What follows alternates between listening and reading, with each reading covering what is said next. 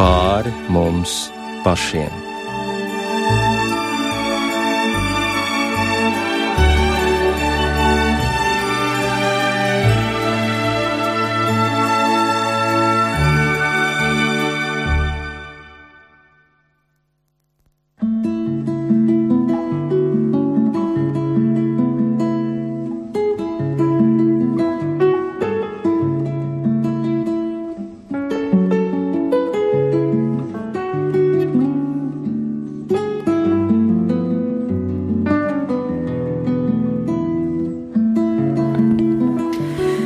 Esiet sveicināti redzījumā pāri mums pašiem, lai ir slavēts Jēzus Kristus.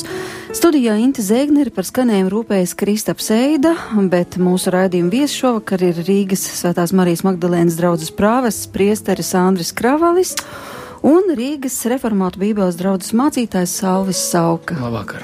Labvakar! Laikam tāds temats mums vēl nav bijis šajās vakar stundās, un proti mēs šajā raidījumā runāsim par vilšanos. Kurš gan no mums kādreiz nav vīlies, kāds ir iespējams vīlies tuvos cilvēkos vai draugos, vai tipiska, protams, ir vilšanās politiķos, vērojot viņu darbus, dažkārt, kas neatbilst labas pārvaldības standartiem. No tā izriet arī vilšanās valstī, kas arī ir bieži dzirdēta teorija, vilšanās dzīvē un tā tālāk un tā joprojām, un gal galā pat vilšanās dievā, kad esam lūguši bet neesam saņēmuši prasīto. Tik daudz dažādu vilšanos, un par tām mēs arī runāsim šovakar un meklēsim, kas par vilšanos ir sacīts svētajos rakstos, un kāpēc tur ir arī ļoti daudz brīdinājumu, lai mēs netiktu pievilti. Bet interesanti, ka šīs sajūtas nav bijušas svešas pat Jēzus mācekļiem. Vai jums nāk prātā šī epizode, kad Jēzus mācekļi bija vīlušies? Emaus mācekļi, kas atgriežas atpakaļ pēc krustāsīšanas. Kas viņiem bija par vilšanos? Kad nav tā, kā viņi bija domājuši, cerējuši. Ko viņi bija cerējuši? Nu, Svētajos rakstos mēs lasām, ka viņi bija domājuši, ka Jēzus nodibinās valstību, ka viņiem tur būs vieta un ka pestīšanas plāns un Jēzus sūtība īstenosies citādā veidā, un viņi tātad noskumuši dodas atpakaļ uz mājām. Un tātad, citiem vārdiem sakot, daudzi cilvēki Jēzus laikā, pat redzot tos brīnumus, ko Jēzus veica, domāja, ka nu beidzot romiešu jūgs tiks gāsts, Izrēlim būs sava valsts, viņi kļūs spēcīgi, vareni, neatkarīgi. Bet piedzīvoja vilšanos. Mm, jā, es gribētu papildināt un, kas saka, turpināt Andra tu teiktu no pirmā, no apustuļu darba pirmās eh, nodaļas, kur augšām celtais Jēzus satiekās ar mācekļiem, un mācekļi saka, nu, tagad, viņš saka, nē, zēni, jūs nesat sapratuši kā. Jā, viņš ir, nu, tagad uzcels, tagad mēs visiem, visus noliksim savās vietās. Puikas jau ir iepriekš sadalījuši darba vietas, kas saka, bez vēlēšanām savstarpēji, vai ne, nu, tad tagad, šī nedraugi, kad es uzcelšu ķēniņu valsti, jeb valstību, e, to tikai Dievs tēvs zina bet jūs būsiet mani, mani mācekļi. Iesāko šeit no Jeruzalemes līdz pasaules malai. Un svētais gars jums palīdzēs. Un kādā veidā jūs celsiet? Jūs izrausiet ļaudis no sātana varas caur evaņģēlijas sludināšanu svētā gara palīdzību, un cilvēks aizvien vairāk un vairāk pievērsīsies Kristum. Jeb jūs veidosiet Dieva tautu, jauno Izraelu. Nu, tad varbūt arī sākam no šīs puses. Ko darīt ar situāciju mūsu dzīvē, kad mēs varam sacīt tāpat, bet mēs taču cerējām, ka Jēzus izdarīs to un to, ka, vai arī mēs taču cerējām, ka Dievs uzklausīs šo manu lūgšanu, un mēs esam vīlušies. Vai mums ir iemesls un vai motivācija vai arī pamats vilties Dievā? Nu, manuprāt, šī tiešām svēto rakstu vieta ir ļoti būtiska, jo Savā veidā mēs redzam, kā mācekļi iet eh, augšām celšanās eh, noslēpumā ar ticību, kā viņi to pieņem, un eh, viss jau beidzās ar maizes laušanu, kad viņi tomēr arī atpazīst Jēzu, kas nozīt, nozūd no viņa acīm, bet tas paradoks, ja, kā Alvis sacīja, kad Jēzus jau iet ar viņiem kopā, Un, manuprāt, viņš pat pieļauj tādu nu, ticības uh, pārbaudījumu ceļu, kur viņi izsaka savas skumjas, savu, nu, savu vilšanos, bet vēl vairāk tā ir arī konkrēta darbība, jo viņi pamet Jeruzalemi.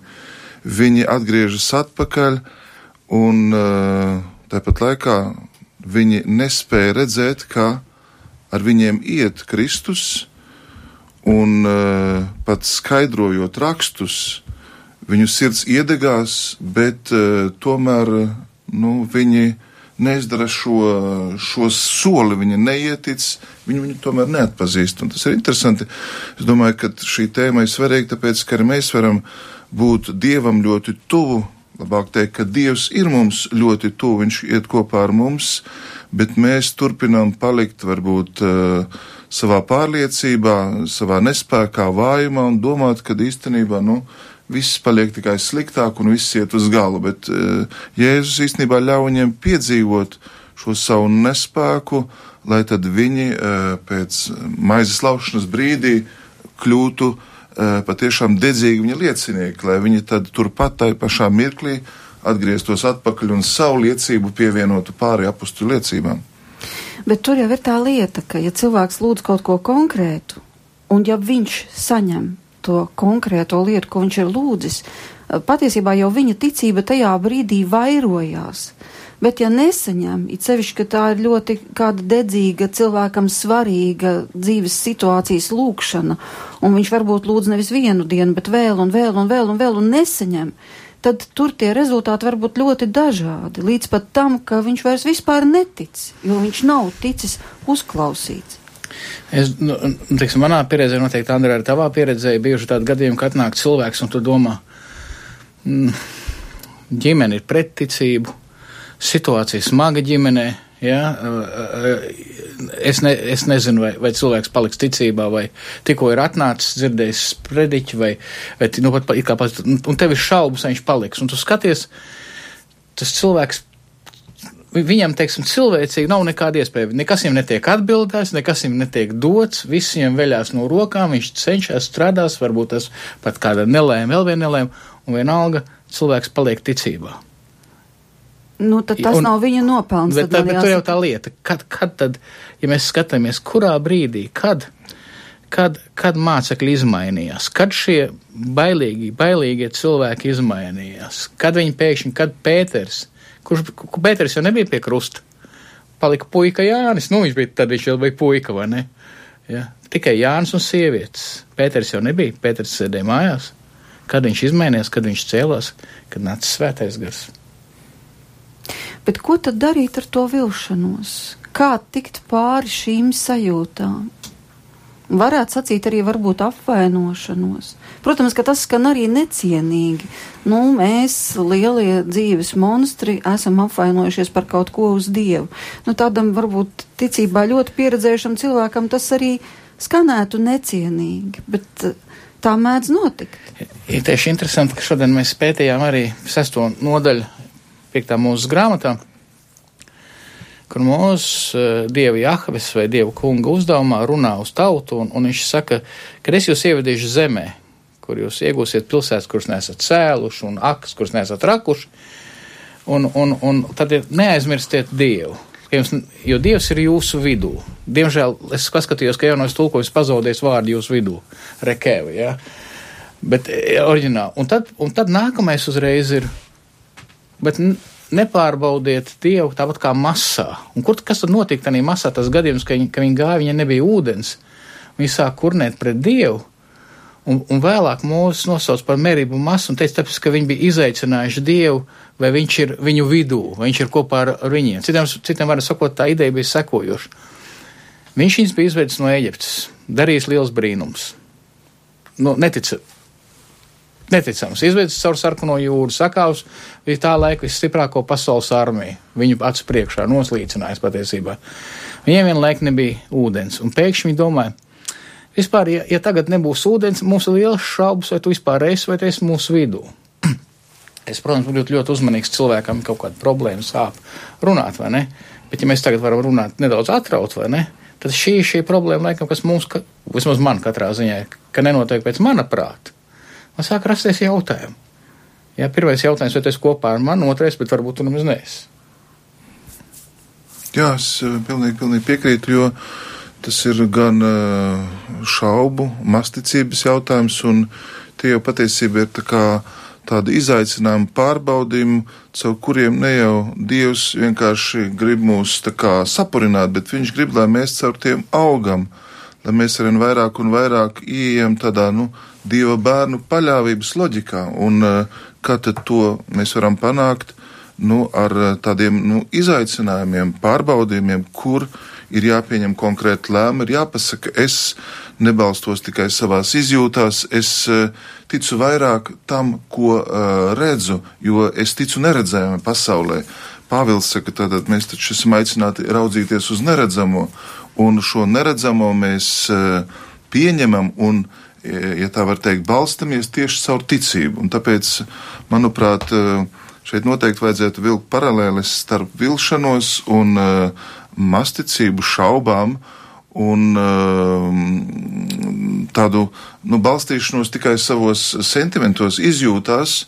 Uh, jā, jo konkrētās situācijās īstenībā jā, bet... ir jārisina konkrēta situācija, tu lūdz Dievam palīdzību, tu gribi no viņa saņemt, bet tieši tā kā tu esi iecerējis, tu nesaņem.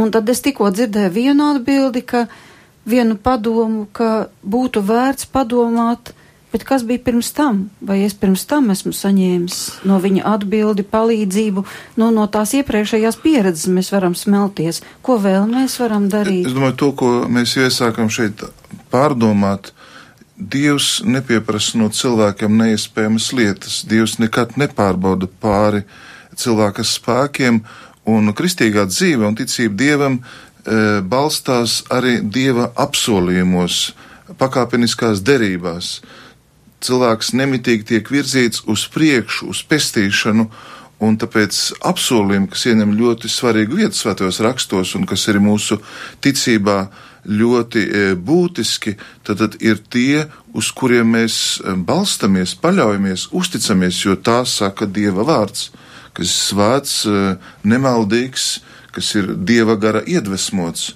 Un tad, tad nu, arī caur šo ceļu, caur tuksnesi, caur visiem šiem pārbaudījumiem, Dievs stāvēja, bet viņam vajadzēja, tā var teikt, nu, pārveidot savu tautu. Dievs vajadzēja, lai viņi paši nonāk līdz šai, mm, ja tā var teikt, jaunai izpratnē par mm. Dievu vadību un spēja iet jau apsolītā zemē, kā, nu, sagatavot attīrīta tauta. Citiem vārdiem sakot, viņš ļauj mums pieaugt tādā veidā, kaut gan tas ir ļoti sāpīgi un dažkārt arī nepatīkami tā apustulis Pāvils e, runā ar e, draudzēm, kuras viņa dibina, tā viņš parāda kristīgās dzīves ceļu, un šī pieaugšana ir nevis kļūt par kādu nu, supervaroni, bet īstenībā arvien vairāk un vairāk ļauties svētā gara vadībai. Tad, tad Dieva bērni ir tie, kurus vada svētais gars, un zināmā mērā Pāvils sacīs, ir jāpiedzīvo savs vājums, nespēks, sava satriektība, lai tad arvien vairāk ļautos ļautos dieva vadībai un nevis saviem e, spēkiem vai gudrībai. Un, diemžēl, vai par laimi, Bībelē ir arī tādi vārdi, ka caur daudzām bēdām jums būs jāieiet Dieva valstībā. Tātad pagludo tā kā arī nesanāk. Bet, ja mēs pie tās pievilšanas tagad atgriežamies, tad acīm redzot tas, ko mēs esam noskaidrojuši, ka Dievs nepieviļ. Viņš nav tas, kurš pieviļ cilvēku. Tā ideja jau ir to, ko apustulis Pāvils arī romiešiem saka. Viņš saka, kad, eh, kad astotajā nodaļā viņš saka, eh, kad, ka mēs zinām, ka tie, kas pēc Dieva, kas Dievu mīl un kas pēc viņa iepriekšējā nodoma ir aicēti, viss nāk par labi. Tur nav teikts, viss ir labs, bet tur ir teikts, ka visas gan labās, gan sliktās lietas nāk par labu izredzētiem. Tos, kuriem viņš jau iepriekš ir lēmis, tos viņš arī noteicis izveidot līdzīgs dēla tēlam, lai, būt, lai, viņ, lai viņš būtu pirmdzimtais daudz brāļu, brāļu vidū. Tā ideja ir tāda, ka šie pārbaudījumi pārveido mūs. Tad, ja mēs turpinam mīlēt Dievu, jo, jo, jo, jo kā Pauls arī korintiešiem raksta, nemaldos otrajā nodaļā, ka ir bēdas uz atkrišanu, un ir bēdas uz pieaugšanu. Bija divi veidi no mūsu reakcijas, mēs varam redzēt, ja. Un tur viņš saka arī tālāk, tātad, tātad visas lietas nāk par labu, pat sliktās. Atcerieties Jāzepam, ja Jāzep brāļi viņu, viņu nodeva, pārdeva, un, un, un viņš saka, jūs gribējāt man darīt ļaunu, bet Dievs to, tas gal galā bija divu plānā, lai nāktu par labu man, vai ne? Un tālāk, ko viņš saka, viņš saka, ko tad, lai mēs par to visu sakām, ja? Ja Dievs ir par mums, kas būs pret mums? Viņš, pas, viņš savu dēlu taču nav saudzējis. Viņš par mums ir atdevis, viņš ir nomiris jau. Kas apsūdzēs Dievu izredzētos? Dievs tos attaisno. Ja? Kas tos pazudinās? Ir taču Kristus, kas ir miris vēl vairāk, kas augšām cēlies, kas ir pie Dieva, labā, Dieva labās rokas, kas aizstāv mūs. Jautājums ir, kas mūs šķirs no Kristus mīlestības? Vai bēdas? Nē.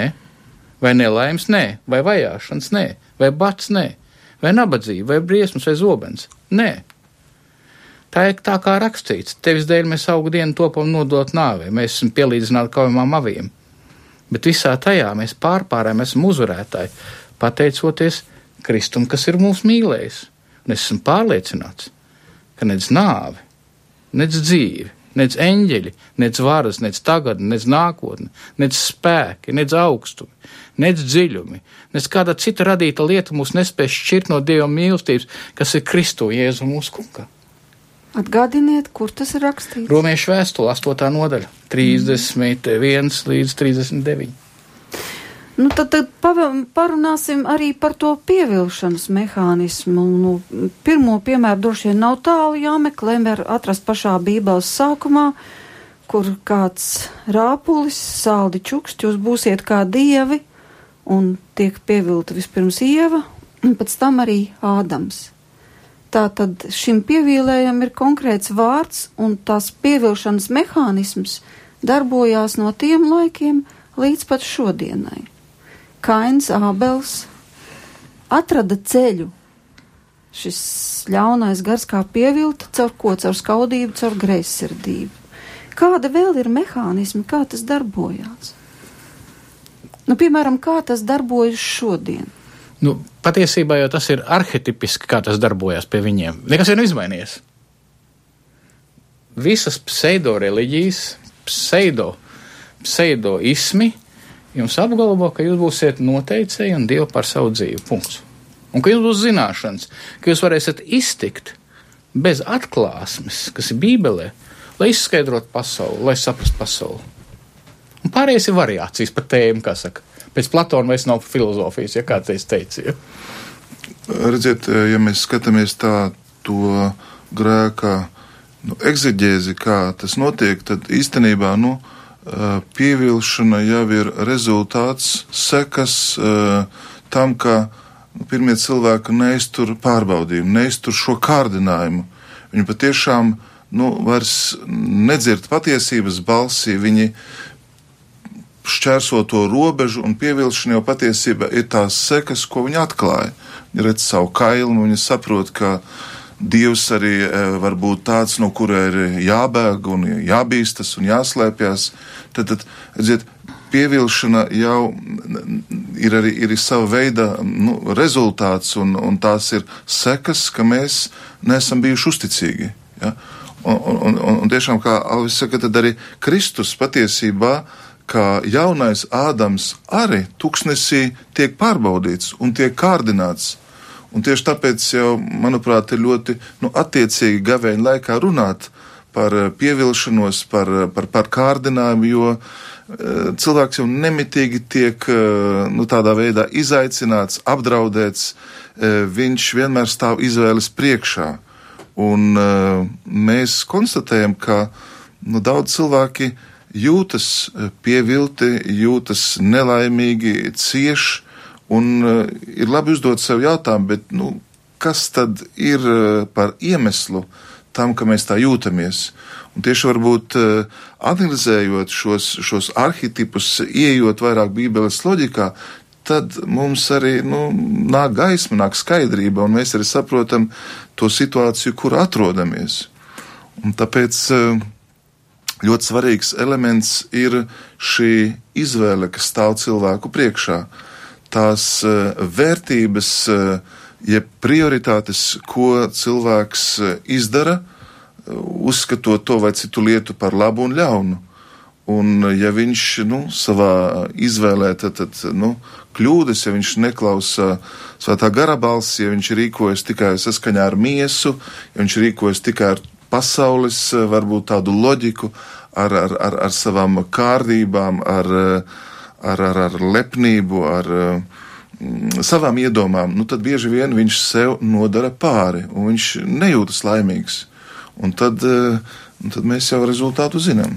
Bet varbūt tā pievilkšanās sakņojas pavisam citur, kur ir ļoti liels procents cilvēku, kas jūtas laimīgi šajā zemes dzīvē, šādi dzīvojot. Normāli, labklājīgi, bez lūkšanām, bez kaut kādām attiecībām ar Dievu, nu, baudot tiešām to labāko, ko dzīve dod. Viņam ir tādas iespējas, viņš ir bijis talantīgs, nu, teiksim, biznesā vienalga, viņam viss ir. Viņam nav vajadzības būt nelaimīgam, un viņš tāds arī nejūtas. Nevajag domāt, ka tie, tie visi tā jūtas. Visdrīzāk, ka nē. Un vai tajā neslēpjas vēl kāda pievilšanas forma? Protams, un, un es jau, es jau um, mēs neviens laikam šeit nedomājam, ka visi cilvēki jūtas nelaimīgi. Bet redziet, ir, vēl, ir, ir pāris lietas, ko, ko man arī, arī mājās ar manu studentu. Es nesaukšu, lai, varbūt kādreiz viņam neatsaucās ar bumerangu. Es, es vien mazāk un mazāk sāku uzticēties, uh, un nav svarīgi, kam. E, jā, uh, ar cikot ideja tāda, to, ko es viņam saku, viņš ir, me, viņš ir medicīnas students, un viņš puika labi mācās, esmu apmierināts, bet es viņam saku, tu saproti, kā tu zini, kā tev profesori zina, ka viņi ir uzticēties savām acīm un savam saprātam? Kā tu zini? Ja? Kā tu zini? Nav nu, viss notiek tāpatās. Es saku, jā, bet, bet tas notiek. Jautājums ir, kā tu vari izskaidrot, kā tu vari pamatot. Jo tas, kas notika, kas notika uh, ēdenes dārzā, ļaunā un laba atzīšanas koks, jo cilvēks teica, es pats noteikšu spēles noteikumus. Un, un cilvēks jau, ka viņš nav redzējis plašāk, vai viņš nezina, kāds būs iznākums, vai, vai, vai, vai, vai, vai viņš ir iesprostots, viņš pierod, viņš jūtas laimīgs savā konkrētā situācijā, kamēr viņš nezina, kāds ir iznākums, kamēr viņš nezina, ka, ka patiesībā viņš dzīvo ilūzijās vai kā. Tikmēr viņš, protams, jūtas laimīgs. Neapšaubām. Bet tā ir taisnība, ka tik tiešām ļaunais gars neaiz, neaiztiek tos, kas nemēģina celt galvu augšā un tiešām meklēt debesis un censties izrauties, ka patiešām tur viss tāpat ir labi, tur vairs nav vajadzīga nekāda nepievilšana, ne īpaša kārdinājuma, nekas. Bet viņi ir pievilti. Viņam līdz ar Ādamu, līdz ar pirmo Ādamu, jo viņi jau ir, viņi jau ir Ādama bērni. Pāvils teiks, ka viņi ir garīgi miruši. Jā, miruši. Jā, tad, tad nu, viņos nav tā dieva žēlstības darba. Un uh, es domāju, ka mums nu, nav tiesības kādu cilvēku šajā pasaulē norakstīt. Tur nav par to, bet ir svarīgi tomēr konstatēt, nu, kādā garīgā stāvoklī tu esi. Vai es esmu dzīves vai miris? Jā. Un uh, atklāsmes grāmatu ļoti skaidri saka, bet tomēr es tā atļaujiet nepiekrīt, nepiekrītīšu tai domai, ka cilvēks uh, dzīvojot uh, labi un kad viņam ir varbūt viss pārpilnībā, ka viņš ir nu, laimīgs, jo agri vai vēlu nu, jautājums par dzīves jēgu, par dvēseles nemirstību. Viņš nevar sev nopirkt veselību. Dievs arī ļauj piedzīvot cilvēkam trauslumu. Tad tā ir egoistiska uh, laime, ja tu te uz, uzskati, ka tevis ir labi, bet tu redzi nu, cilvēkus uh, trūkumā, pārbaudījumos, slimībās. Ne par velti Jēzus stāsta līdzību par Lācaru un bagātnieku. Tur mēs redzam, ka šis cilvēks, nu, ir nesatricināms un ka viņš uh, tiešām arī nu, mirst, un mēs zinām to vēlāko sarunu, ka viņš nav spējis ieraudzīt to nabagu un trūcīgo. Tātad, manuprāt, Dievs uh, savā bezgalīgā žēlsirdībā grib katra cilvēka glābšanu. Viņš vēlas uh, katram cilvēkam ne tikai būt tuvu klāt, bet palīdzēt, bet nu, tā ir cilvēka brīvība aiztaisīt šīs durvis un tās neatvērt bet uh, Dievs ir neatlaidīgs un pat šī gadījumā, jā, vēstule romiešiem liek saprast, ka arī pārbaudījumi ir veids, kā Dievs klauvē, kā viņš grib mūs uzmodināt no miega, kā viņš apelē, jo nu, mūžībā, mūžībā uh, pazaudēta pestīšana, nu, tas ir kaut kas tik, uh, tik dramatisks, ko mēs pat nevaram iztēloties vai aprakstīt. Tas ir mūžība. Tu, tu esi atteicies no, no savas dvēseles glābšanas, pestīšanas, dzīves kopā ar Kristu. Un tāpēc uh, Kristus saka, esiet modri, ir dažādi līdzekļi un veidi, kā uzturēt šo modrību. Un, um, mēs te pieminējam ciešanas un, un, un pārbaudījumus, bet, manuprāt, arī ir jāuzmanās tiešām, kad mēs nu, uh, kristietību atklājām visajās tās tādā daudzšķautnībā. Kalna svētībās nav tikai runa par, par mieru, par žēlsirdību, bet ir jautājums, vai tu ciet Kristus dēļ, vai tu tiec uh, arī vajāts, vai tu izvēlies iet garā nabadzību šo ceļu kā pirmo svētību, tad, tad zinām mērā, nu, kristiešu aicinājums ir jau būt pretrunā ar zīmi šī pasaulē, ar pasaules, pret pasaules loģiku. Bet ja mēs tā kā, nu, piemērojamies, tad visiem cenšamies iztapt un izdabāt, mēs kļūstam tiešām tad kā, nu, hameleoni, ja, un domājam, ka tā, nu, mums ir jādzīvo ar tādu pasaulīgo gudrību, un tāpēc, tāpēc jau mēs nodarām paši pāri sev, jūtamies vīluši un nejūtam to kristietības nu, prieku, gandarījumu un spēku, ko dod sekošana Kristum. Tūlīt mēs parunāsim arī par tām formām, kādās tiek pievilti kristieši. Mūsu raidījuma viesis šovakar ir priesteris Andris Kravalis un mācītājs Salvis Sauka. Labvakar. Un mēs jau labvakar vēlreiz. Jā, nu, jāpasaka labvakar. Kat, katrai pusstundai labvakar nemaz jā. nav liekas. Bet, ja tagad runājam tālāk par tām viltībām un tiem slazdiem, kas tiek izlikti ticīgiem cilvēkiem kristiešiem, tā skaitā. Jo, piemēram, vēstulē galotiešiem ir sacīts, nu, pavisam skaidri, nepievilieties. Dievs neļaujas apsmieties, jo ko cilvēks sēs, to viņš arī pļaus. Kas miesā sēj, tas pļauj pazušanu, kas garā sēj, tas pļauj mūžīgu dzīvību. Nu, tas ir ļoti ietilpīgs vārds, nepievilieties, bet vai ir kādi konkrētāki paskaidrojumi, kā tad mums nepievilties? Vai kādas ir tās pievilkšanas formas, kā pie kristiešiem darbojas šis pievilkšanas mehānisms? Nu, tā šī maldināšana, pievilkšana, jā, jā. Es, es domāju, ka viena no tām lietām, mēs nedaudz rodas, to ieskriesim, bet es, ja, ja es atļaušu turpināt, ko Andris teica, kad kad ļoti interesanti, tad, kad pirmā Jāņa vēstulē Jānis runāja tā, eh, par, par, par šiem antikristiem, par šiem maldu gariem, par šiem cilvēkiem, kas jau parasti jau viņi it kā ir no draudzes. Ja, jo ārējos cilvēks jau, ja nāk ārējos skolotāji, mēs jau parasti neklausamies. Bet viņi it kā ir no, it kā bijuši kristieši, it kā mācītāji, bet viņi nāk ar viltus dažādām mācībām. Un cik interesanti, ka viņš saka, Iespējams, ka viņi joprojām uzskata sevi par jā, bet, bet, jā, bet viņš saka, tie ir no pasaules. Tādēļ tie runā pasaulīgi. Un ļoti interesanti. Un pasaule viņus ieklausās. Un tā ir pirmā zīme. To, ko arī Andris iepriekš teica. Jā, jo kristietība nekad nebūs ērta. Tāpēc, ka mēs esam grēcinieki visi. Lai kāda formācija arī nebūtu, es domāju, sociālā un tam līdzīgi. Mēs vienmēr, nu, mēs ka cilvēki mēs vienmēr būsim egoistiski. Un mēs, mums ir nepatīkami, ka mums to norāda. Mēs paši, paši esam, gribam būt dievi, lai kāda arī nebūtu, ja? Un, un Kristus jau aicina uz, uz, uz, uz, uz, uz kalpošanu citiem, kalpošanu viņam un tam līdzīgi. Bet ja, tiek, ja Kristus tiek apfrizēts, ja drīkst tā teikt, ja? viņš, tiek, viņš, tiek, viņš tiek pataisīts par, par, par līdzīgu, ja citiem var sakot, viens labi politiķis labi pateica. Es biju pārsteigts, man atstāstīja ka baznīcai nevajag izlēkāt līdzi laika garam. Mums ir raksti, mums ir ticības apliecības, viņiem ir 2000, ja mēs skatāmies, mums skatām, baznīca jau bija līdz Abrahāmu, mums tam entie tūkstoši, ja? mums nav jāizlēkā. Mums jāskatās, kā atbild uz mūsdienu situācijām, bet mums nav jāizlēkā līdzi. Baznīca lēkā līdz laika garam. Es domāju, ka tendences tādas ir izlēkāt, mēs, jo mēs, grib, mēs gribam būt svarīgi. Mēs domājam, ka mūs neieklausīsies. Nu, kurien, nu, kurien radās Rietumē Eiropā liberālisms, Bultmans un pārējie. Tā ideja bija tāda.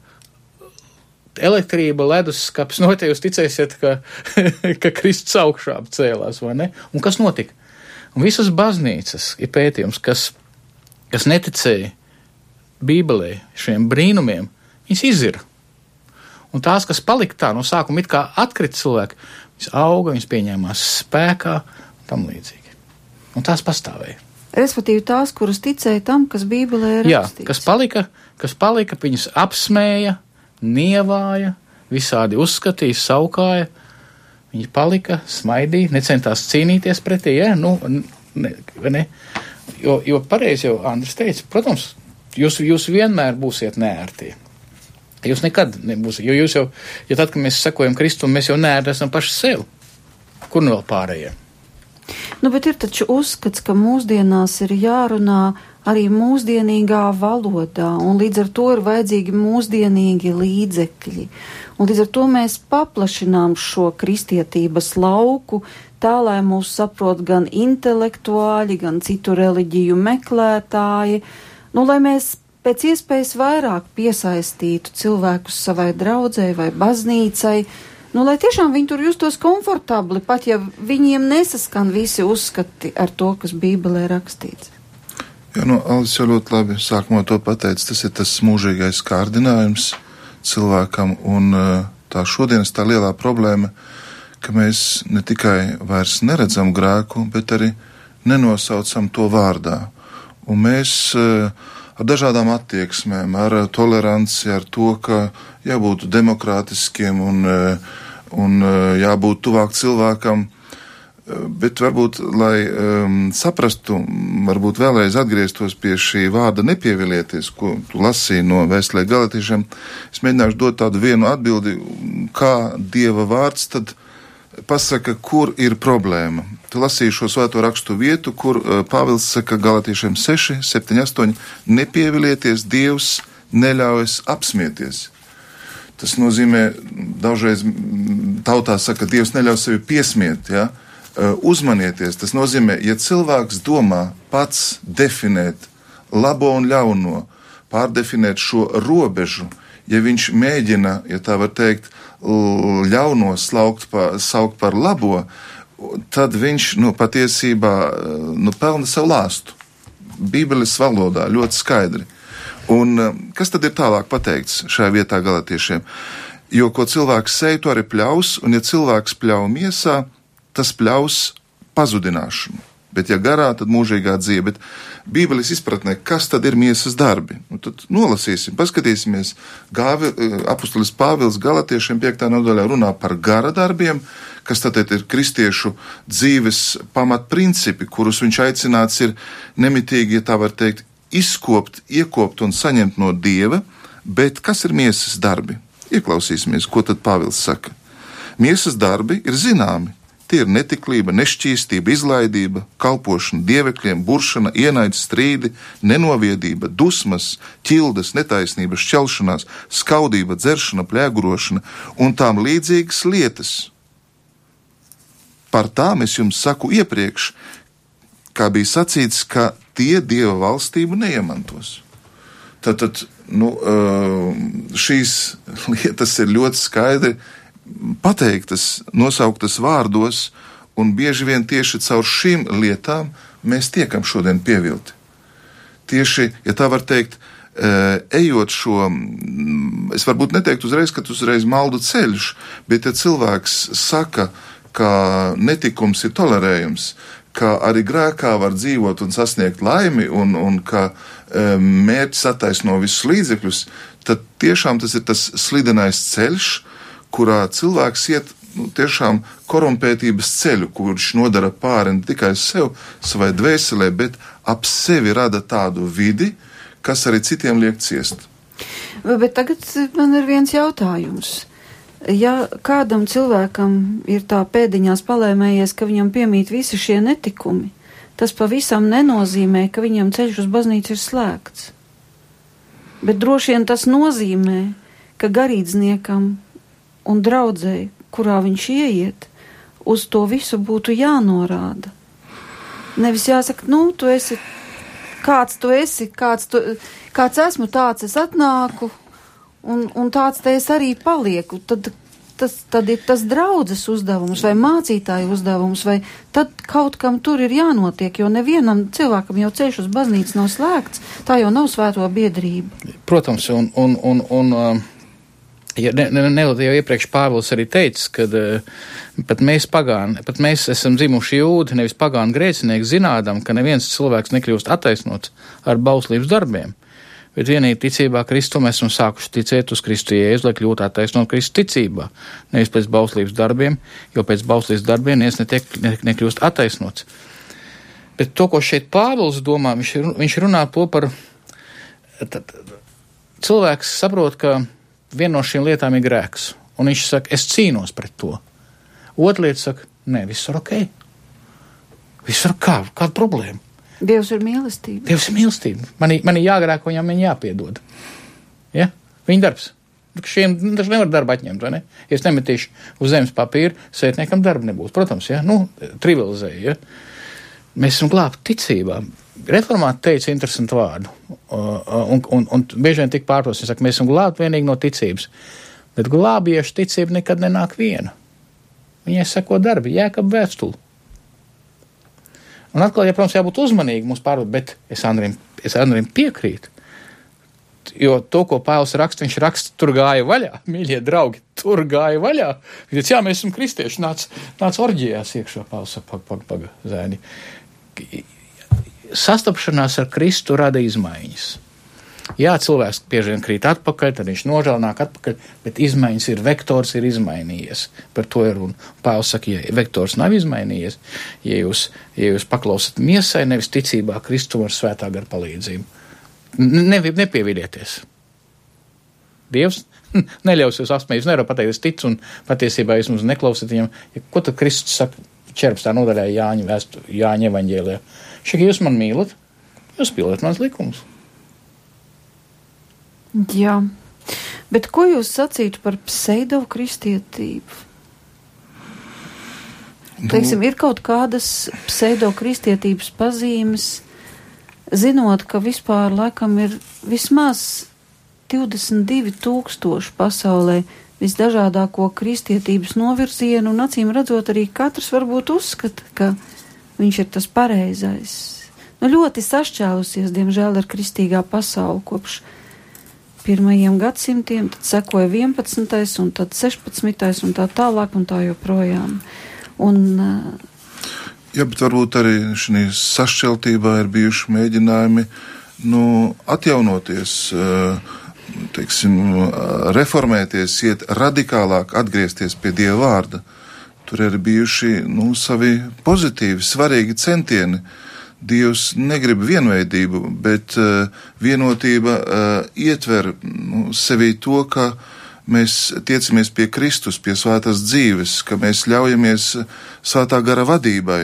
Bet uh, tavā jautājumā, tad, tad, nu, vai pseido kristietība, nu, Kristus arī Mateja un Marka evaņģēlijā, piemēram, 24. nodaļa, viņš saka, jo uzstāsies viltus kristi un viltus pravieši un darīs lielas zīmes, brīnumus, lai pieviltu Un Iespējams, pat izredzētos, ja? un tas mani ļoti pārsteidz. Bet, bet eh, es varbūt tā nesteigtos uh, kratīt uh, kristiešiem, kurus īstenībā nezinu un nepazīstu, teikt, ka tagad uh, jūs esat uh, nomaldījušies tālu no patiesības, jo īstenībā Dievs jau vēlas uh, visu cilvēku glābšanu un savstarpēja cieņa, respekts, piedošana, es gribu teikt vienā vārdā svēta dzīve, mīlestība, eh, cilvēku savstarpējās attiecībās, kas balstīta patiesībā, eh, kas balstīta taisnībā, žēlsirdībā, tie ir kritēriji, kas ļauj tad ātri izvērtēt.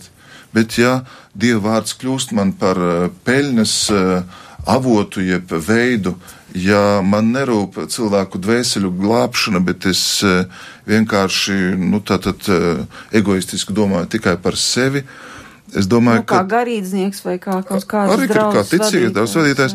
Bet uh, es domāju, ka tieši tā ir vislielākā arī nu, pretliecība mums pašiem kristiešiem, gan varbūt uh, nu, šī tāda nu, sašķeltība, kad mēs uh, cīnāmies viens pret otru un mēs nemeklējam Kristu, ka mēs bieži aizējam uz tādām sekundārām perifērijas lietām un, un esam vienoti tajā galvenā dvēseles glābšana, pestīšana, Dieva vārda pasludināšana. Tas taču ir nu, ļoti, ļoti svarīgi, un ja cilvēks tiek pārveidots un arvien vairāk iemanto dieva garu, ja viņš ir uh, pareizcīgā baznīcā, viņš ir austrumu tradīcijā, tātad kristīgā tradīcijā, nu, es tikai slavēju Dievu un pateicos, jo pie Dieva ir dažādi ceļi, bet mums visiem priekšā stāv viena un tā pati tikšanās ar kungu, kur mēs dosim atbildi par saviem vārdiem, darbiem, rīcību, un tur konfesionālā piedarība nebūs tā derīgā pase vai, vai, vai, vai, vai tā izziņa, lai iet debesu valstībā. Tur būs cita mēraukla. Un tāpēc arī mums ir jāsaka kristiešiem, nu, nepieviļaties, jā, tad, tad neļausim sevi pievilt, bet vēlreiz ejot pie Dieva vārda, pie Kristus uh, vār, darbiem, vārdiem un dzīves, tad mēģināsim saprast, nu, kas tad ir tā mēraukla visam. Bet saprotiet, tā pašā laikā ir ļoti dažādas prakses, un šajā gadījumā pat ir par brīvbaznīcu, kuras reiz dzirdēju tādu teoriju, kas tiek arī piekopta, ka, piemēram, tos grēkus, kas no kuram cilvēkam ir, viņš uzraksta uz lapiņas, tad šīs lapiņas tiek saliktas kopā, kopīgā ugunskurā un sadedzinātas. Un tādējādi viņi, piemēram, uzskata, ka viņi ir tikuši vaļā no savas grēku nastas. Vai tas ir bībeliski? Nu, es piekrītu Andrim, ka diemžēl, kad, kad tie cilvēki, kas, kas maldina, viņi, viņiem nerūp cilvēku dvēseles, un, un Jānis ļoti interesanti pirmajā vēstulē viņš nobeidz Un esmu lasījis daudz komentārus, un, un, un vienmēr jums rodas kaut kas jauns, vai nu jūs esat galīgi šķīvi, vai, esat, vai jums ir paveicies, teiksim tā. Un viņš nobeidz, nobeidz bērniņus sargieties no elkiem. Un es domāju, kādiem elkiem? Un tad es, nu tā ir man doma, ka tas, ar ko Jānis runā par, viņš raksta par maldinātājiem, kas, kas, ir, kas ir pienākuši pie, pie viņa, pienākuši pie draudzes, plosa draudzi ar viltus mācībām, ka jums vairs Kristu nevajag, ka jūs varat pat taisno nonākt pie Dieva, ka nevajag vairs dzīvo, nevajag dzīvot kā Kristum, ja, un, un, un tam līdzīgi, un, un, un, un Jānis atklāja trīs momentus. Jānis pirmkārt uzbrukums Kristum, ka, viņš, ka Jēzus nav Kristus, jo tā problēma ir, kad, kad, kad vīri no Oksfordas vai no Kembridžas, samas, kas saka, nepateikšu precīzi, ja vajag, es pieļauju, tiešām atradīšu grāmatu divi, divi, divi kompjūteru vīri, IT vīri, kurš ir, kurš ir visiespaidīgākā, visvairāk ies, iespaidojis personu pasauli. Un viņiem, viņiem, par, viņiem par pārsteigumu tas bija Kristus. Un tā viņa intervijā saka, nu jā, nu viņš, nu tas, tas, tas, tas galdnieks, viņi bija šokēti. Un, tā, redziet, un paiet Kristum garām nevar neviens.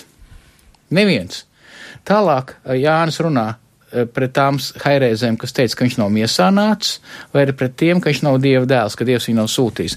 Bet Pāvils jau mums nāk klāt. Viņš saka, tie, kas izmanto, kas pārveido Kristu, saka, ka viņš ir Kristus kaut kādā veidā ir, ir mūsu naudas mašīna. Mēs iemetam, ja vairāk iemet, jo dabūs vairāk finansiāli ārā. Un, un, un te ir tā problēma. Sargieties ka jums sludina Kristu, kurš mums ne, nesludina vēsturisko Kristu, kas nav atklāts Bībelē. Atcerieties, kā, kā, kā Matejā viņš saka, kungs, kungs, pēc kalnas prediķa, ja? mēs brīnums darījām, mēs dzinām laukā, mēs runājām, tā, ka, kungs, ko teiks? Es jūs nepazīstu. Es jūs nepazīstu. Jūs esat sekojuši citam, nevis man.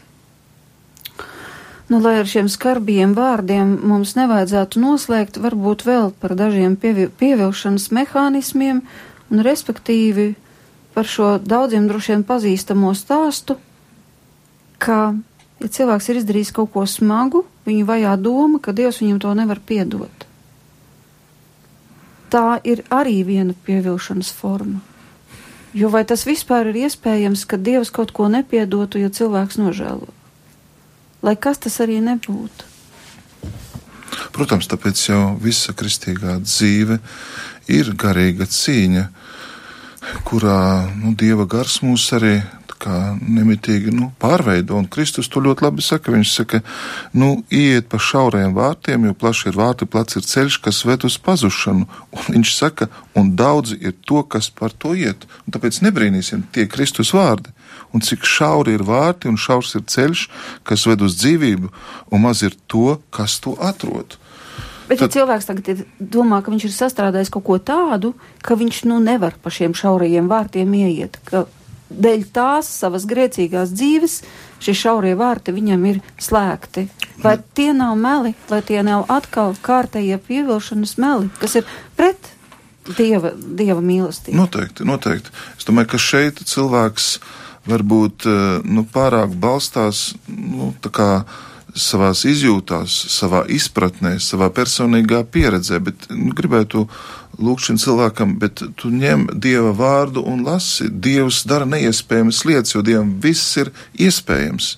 Ja tikai, kā tu saki, cilvēks vēlas atgriezties, Dievs iznāk pretī cilvēkam. Dievs ir tas, kas viņu meklē, kas gatavs mazgāt kājas, ja tikai cilvēks to ļauj, un mēs to piedzīvosim burtiski eh, dažas eh, dienas eh, stāv mums priekšā līdz lielai ceturtdienai, līdz lielai piekdienai. Dievs, tā var teikt, nespēlē cilvēku vidū teātri, bet būdams patiesas Dievs un patiesas cilvēks, viņš ņem krusta smagumu, piedzīvo visas šaustīšanas, ciešanas, atmešanas sāpes, lai tādā veidā satvertu cilvēku, lai tādā veidā ļautu un palīdzētu cilvēkam ieticēt un tikai nebalstīties nu, tā šauri savā izpratnē vai, vai tajā grēka šokā, ko cilvēks ir piedzīvojis. Un tāpēc jau dievnam un dieva vārds un, un evaņģēlijs mums ir dots. Un tāpēc Kristus pats ir pārsteigts par cilvēku ticību, kas uzdrošinās, kas ietic, kas iet pāri, teiksim, kaut kur pat veselam saprātam. Bet mums nav jāšaubas, ka viņš var piedot pilnīgi visu, bet viņa nosacījums ir tikai nožēlo un atgriezies. Ar šiem diviem Ticībā vārdiem Kristum, pietiek. Ticībā Kristus personai, Jā. pieņem pestīšanas darbu. Tad, un nožēlo nozīmē tā kā bibliskā nožēla, ko tas nozīmē, izmainīt savu dzīvi, e, ieticību, pestīšanas vēstī, ļauj, lai svētais gars tevī dara visu jaunu, un tas kļūst iespējams, ja tu liec savu cerību Kristum, ja tu pieņem viņu savā dzīvē, ja tu nebaidies viņu apliecināt, iet tālāk. Es nāku no Marijas Magdalēnas draudzes, ko tad Kristus saka par viņu? Viņai daudz ir piedots, tāpēc, ka viņa daudz ir mīlējusi. Ja pāri par visu mēs meklējam mīlestību, bet mīlestību, kā Pāvils par to runā, kā Kristus to mums atklāja, kas ietver sevi patiesību, tieši tā, tad, tad ar to mēs stāvam pāri. Mēs dziedinam grēku, mēs dziedinam mūsu ievainojumus. Un tāpēc eh, gribās novēlēt, lai nu, šis laiks, kas mums ir dots, gavēņa laiks, pirmkārt, nav tikai tādu personīgu, uh, garīgu varoņu darbu vai centienu laiks, bet ka mēs vienkārši vairojam sevi mīlestību, kapacitāti piedot, būt žēlsirdīgam, pieņemt, uzklausīt. Tās ir tās pamata attieksmes, kur uh, mīlestība var, var augt, var iesakņoties bet nevis vienkārši tā, nu, tagad badosimies, vai tagad, piemēram, es eh, kādus citus garīgus varoņdarbus tā apliecinādams parādīšu. Jo vairāk būs savstarpējas mīlestības, jo vairāk, jo, jo mazāk būs pievilšanas un jo mazāk būs vilšanos. Ar šiem vārdiem mēs arī noslēgsim, Jā. bet Alvis vēl gribēja kaut ko piebilst. Nu, es vienkārši gribēju par to piedošanu. Mums ir šī apustulis Pāvils, kas noslepkoja Stefanu, kur vadībā tika noslepkots Stefans. Bet Saula un Stefana nogalināšana bija pa prātam. Tajās dienās sākās liels vajāšanas pret draugu Jeruzalemē, un visi izņemot apstuļus izklīpību. Stefanu apglabāja, saules postīja draugus, gāja pa mājām, rāva no tām ārā vīrus un sievas, meta cietumā, postīja. Un tad nāca žēlastība. Tad viņš saka, no žēlastības, kas es esmu. Jo tik ļoti Dievs mīlēja pasauli, ka viņš deva savu vienu vienīgo dēlu, lai neviens, kas viņam tic, nepazust, bet iegūtu mūžīgo dzīvību. Un tad Sauls kļuva par apustuli Pāvilu. Paldies par piedalīšanos šajā raidījumā, saku priesterim no Svētās Marijas Magdalēnas baznīcas, tepat vecrīgā Andrim Kravalim un Rīgas reformātu bībeles draudzes mācītājam Āvim Saukam. Kopā ar jums bija šajā vakarā Inta Zēgnere par skanējumu rūpējas Kristaps Eida. Un ar cerību arī noslēdzam, jo dziesma ir par to, ka manam tētim ir dārsts.